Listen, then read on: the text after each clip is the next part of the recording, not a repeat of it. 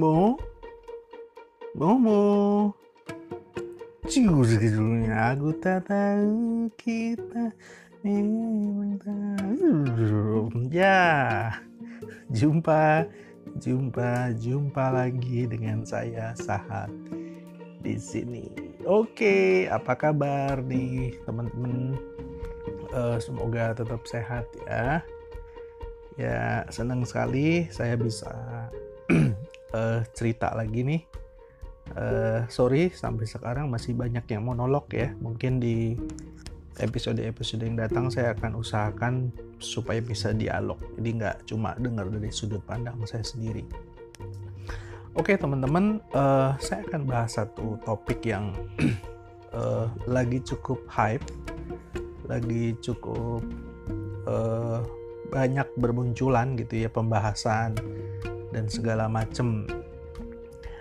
Ya teman-teman uh, salah satu yang cukup jadi trending ya tentu saja banyak ya selain situasi politik situasi penanganan covid dan segala macam uh, ada satu satu uh, ada satu klip ada satu produksi uh, musik di tanah air yang sedang trending saat ini ya kalau teman-teman sama-sama bisa nebak yang saya maksud yaitu benar ya. Ini hashtag terlanjur mencinta. Jadi teman-teman ada tiga video dari uh, tiga besar Indonesian Idol ya. Liodra Ginting Tiara uh, Anugrah Tiara Andini ya. Lalu yang terakhir adalah Ziva. Ya jujur kalau secara uh, taste saya saya sih lebih suka Ziva ya. Menurut saya itu lebih lebih apa ya? Lebih hebat lah secara teknik secara produksi suara secara musikalitas. Tapi tentu saja ini subjektif karena uh, ya saya setuju gitu ada yang mengatakan seni itu bukan soal compete bukan soal siapa yang paling terbaik. Karena ada banyak sekali komponen-komponen uh, atau unsur-unsur yang uh, itu nggak bisa apple to apple gitu ya. Karena memang musik adalah seni dan seni sebenarnya lebih kepada bagaimana kita mengapresiasi. Seperti itu. Walaupun ya kita juga sama-sama setuju ada sebuah karya seni yang baik ada karya seni yang biasa aja seperti itu ya. Tapi teman-teman apa yang menarik sebenarnya dari uh, dari lagu ini gitu ya. Saya saya pikir ini sesuatu yang unik. Uh, dan ini sangat jarang sekali ya. Sangat jarang sekali dan mungkin setahu saya ini juga yang pertama gitu ya. Yang pertama jadi ada seorang produser yang langsung rilis uh, tiga lagu yang sama gitu ya tetapi dengan dikemas dengan package yang berbeda yang unik yang masing-masing itu punya penggemarnya sendiri. Gitu ya. Jadi teman-teman kalau coba cek di YouTube aja ini saya pakai pakai ukuran YouTube ya. Itu mungkin kalau di total-total viewers dari uh, ketiga klip ini itu sudah mungkin lebih dari 30 juta viewers. Bayangkan 30 juta viewers hanya dalam beberapa minggu. Wah dahsyat banget. Sudah banyak diulas ada yang mencoba menganalisis gitu ya ini cerita utuhnya apa sih? gitu ya. Sebenarnya bunganya itu buat siapa aja sih gitu ya karena si cowok itu kasih bunga ke beberapa ketiga uh, cewek yang ada dalam masing-masing klip itu. Lalu cincinnya untuk siapa gitu ya karena ada satu klip yang uh, si cowok itu kayak menyimpan sebuah cincin sebuah kotak cincin. Jadi menjadi pertanyaan cincinnya itu untuk siapa gitu ya lalu yang berikutnya mungkin siapa sih sebenarnya cewek dari si cowok itu gitu ya? Apakah salah satu dari yang ketiga? Ataukah ternyata ada yang lain gitu ya? Jadi bukan salah satu dari ketiga cewek itu. Ya semua bisa. Bisa menduga-duga memberikan analisis dan bagi saya itu sesuatu yang menarik ya. Pasti menarik. Kita semua penasaran sama cerita lengkap dan cerita utuhnya tapi so sorry teman-teman saya tidak akan bahas atau menambah analisa cerita yang utuh gitu ya dari ketiga video klip tadi. Tapi saya pagi ini mau membahas sebenarnya ada satu fenomena yang menarik gitu ya dari dirilisnya tiga video klip ini secara bersamaan.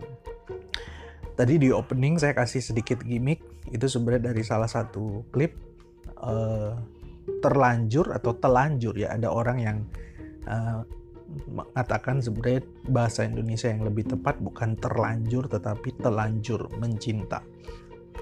Tadi di opening saya kasih satu gimmick mo mo mo gitu ya kalau teman-teman sudah nonton ketiga klipnya pasti tahu ini uh, salah satu dari klip terlanjur mencinta yaitu dari dari klipnya si Tiara ya Tiara Andini.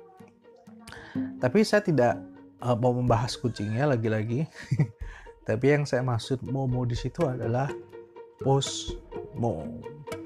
Ya, itu Postmo. Nah, ini teman-teman yang saya akan bahas di balik fenomena ketiga klip yang dirilis bersamaan tadi. Oke, kita mulai dengan satu yang paling awal, yang paling mendasar tentang definisi. Atau mungkin sebelum ke definisi, uh, Postmo itu sebenarnya berasal dari dua kata ya, yang pertama post, setelah after dan juga yang kedua adalah modern. Jadi postmo itu sebenarnya adalah era atau zaman di mana setelah zaman modern. Sederhananya begitu. Nah berikutnya seperti yang tadi saya katakan kita akan bahas soal definisi. Apa sih definisi postmo? Uh, menarik ya. Kalau kita coba klik uh, cari di Google gitu ya definisi postmo, wah itu pasti akan banyak yang memberikan definisi dan seterusnya. Tapi yang saya mau katakan, Postmo sebenarnya nggak punya definisi yang kaku. Kenapa? Karena kalau kita definisikan Postmo dengan satu definisi, maka itu bukan Postmo lagi, gitu ya. Postmo tuh nggak bisa didefinisikan. Kenapa? Karena Postmo itu punya definisi, definisi terserah Anda. Anda mau definisikan seperti apa. Ya walaupun waktu kita katakan definisi posmo dan terserah, terserah itu sendiri mungkin sudah mengunci posmo. Tapi intinya itu teman-teman. Posmo memang punya semangat yang sangat memberikan kebebasan uh, untuk mendefinisikan, untuk menginterpretasikan, untuk membuat ceritanya sendiri atau masing-masing. Nah itu yang saya pikir teman-teman fenomena dibalik dirilisnya lagu ini ya dengan tiga versi. Semua orang punya idolanya masing-masing, semua orang punya preferensinya masing-masing, semua orang punya jagoan mereka masing-masing dan mereka pengen pengen semacam kayak punya kendali gitu ya untuk uh, memutuskan atau menonton siapa yang gua mau tonton. Kebayang nggak Misalnya gitu ya, kalau mostly orang pada suka sama Andini. Sementara yang dirilis adalah Leodra. Gak bisa gitu ya, kita butuh pilihan yang lebih banyak. Kita butuh alternatif yang lebih banyak.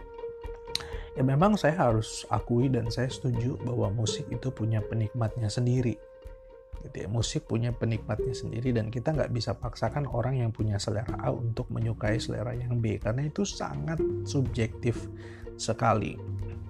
Nah, makanya saya pikir uh, produser dari lagu ini saya bukan mengatakan pencipta ya tapi produser dari lagu ini sebenarnya cerdas banget.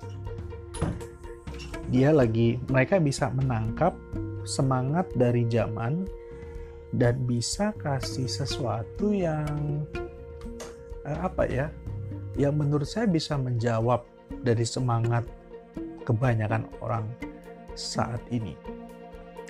Jadi bisa lempar tiga klip sekaligus, mungkin ya secara ongkos produksi pasti akan lebih mahal, tetapi kita bisa lihat ternyata ini sangat jadi trending. Nah sekarang saya masuk kepada uh, pembahasan berikutnya, kenapa sih semangat Posmo atau ada beberapa orang mengatakan ini world view sebuah cara pandang world uh, posmo ini bisa muncul. Ya kalau kita pakai uh, pemahaman yang paling mendasar sesuatu yang baru itu pasti muncul karena kejenuhan dan ketidakpuasan dari apa yang sudah ada sebelumnya. Jadi kalau sesuatu sudah ada dalam titik jenuh gitu ya ada dalam titik ini kayaknya tidak menjawab seluruh uh, keinginan dan kebutuhan pasti akan muncul yang baru gitu. Dan kemudian itu akan mereplace dari apa yang sudah ada sebelumnya. Jadi kalau kita bicara postmodern itu setelah modern after modern maka saya akan sedikit menjelaskan apa sih semangat modern atau zaman modern Modern sebenarnya itu bicara tentang sesuatu yang terikat. Definisinya terikat gitu ya. Aturan atau kaidahnya terikat. Kita sudah bisa pastikan satu tambah satu sama dengan dua. Tidak bisa tiga, tidak bisa sepuluh, tidak bisa sebelas, dan seterusnya. Modern juga bicara tentang sesuatu yang proporsional dan itu juga ada ukurannya, ada standarnya. Jadi bisa ditebak. Jadi jelas uh, ada sesuatu yang normal, ada sesuatu yang tidak abnormal. Normal karena dia memenuhi kaidah tertentu, sementara abnormal tidak memenuhi kaidah tertentu. Nah, Posmo sebenarnya mengkoreksi itu. Posmo nggak suka dengan uh, semacam kayak definisi yang terikat. Kenapa sih yang ini mesti dikatakan abnormal sementara itu yang normal? Siapa yang menentukan kaidahnya? Siapa yang menentukan standarnya? Emang lu siapa begitu ya sehingga Posmo mengkoreksi sesuatu yang sudah terikat dan terdefinisi pada zaman modern.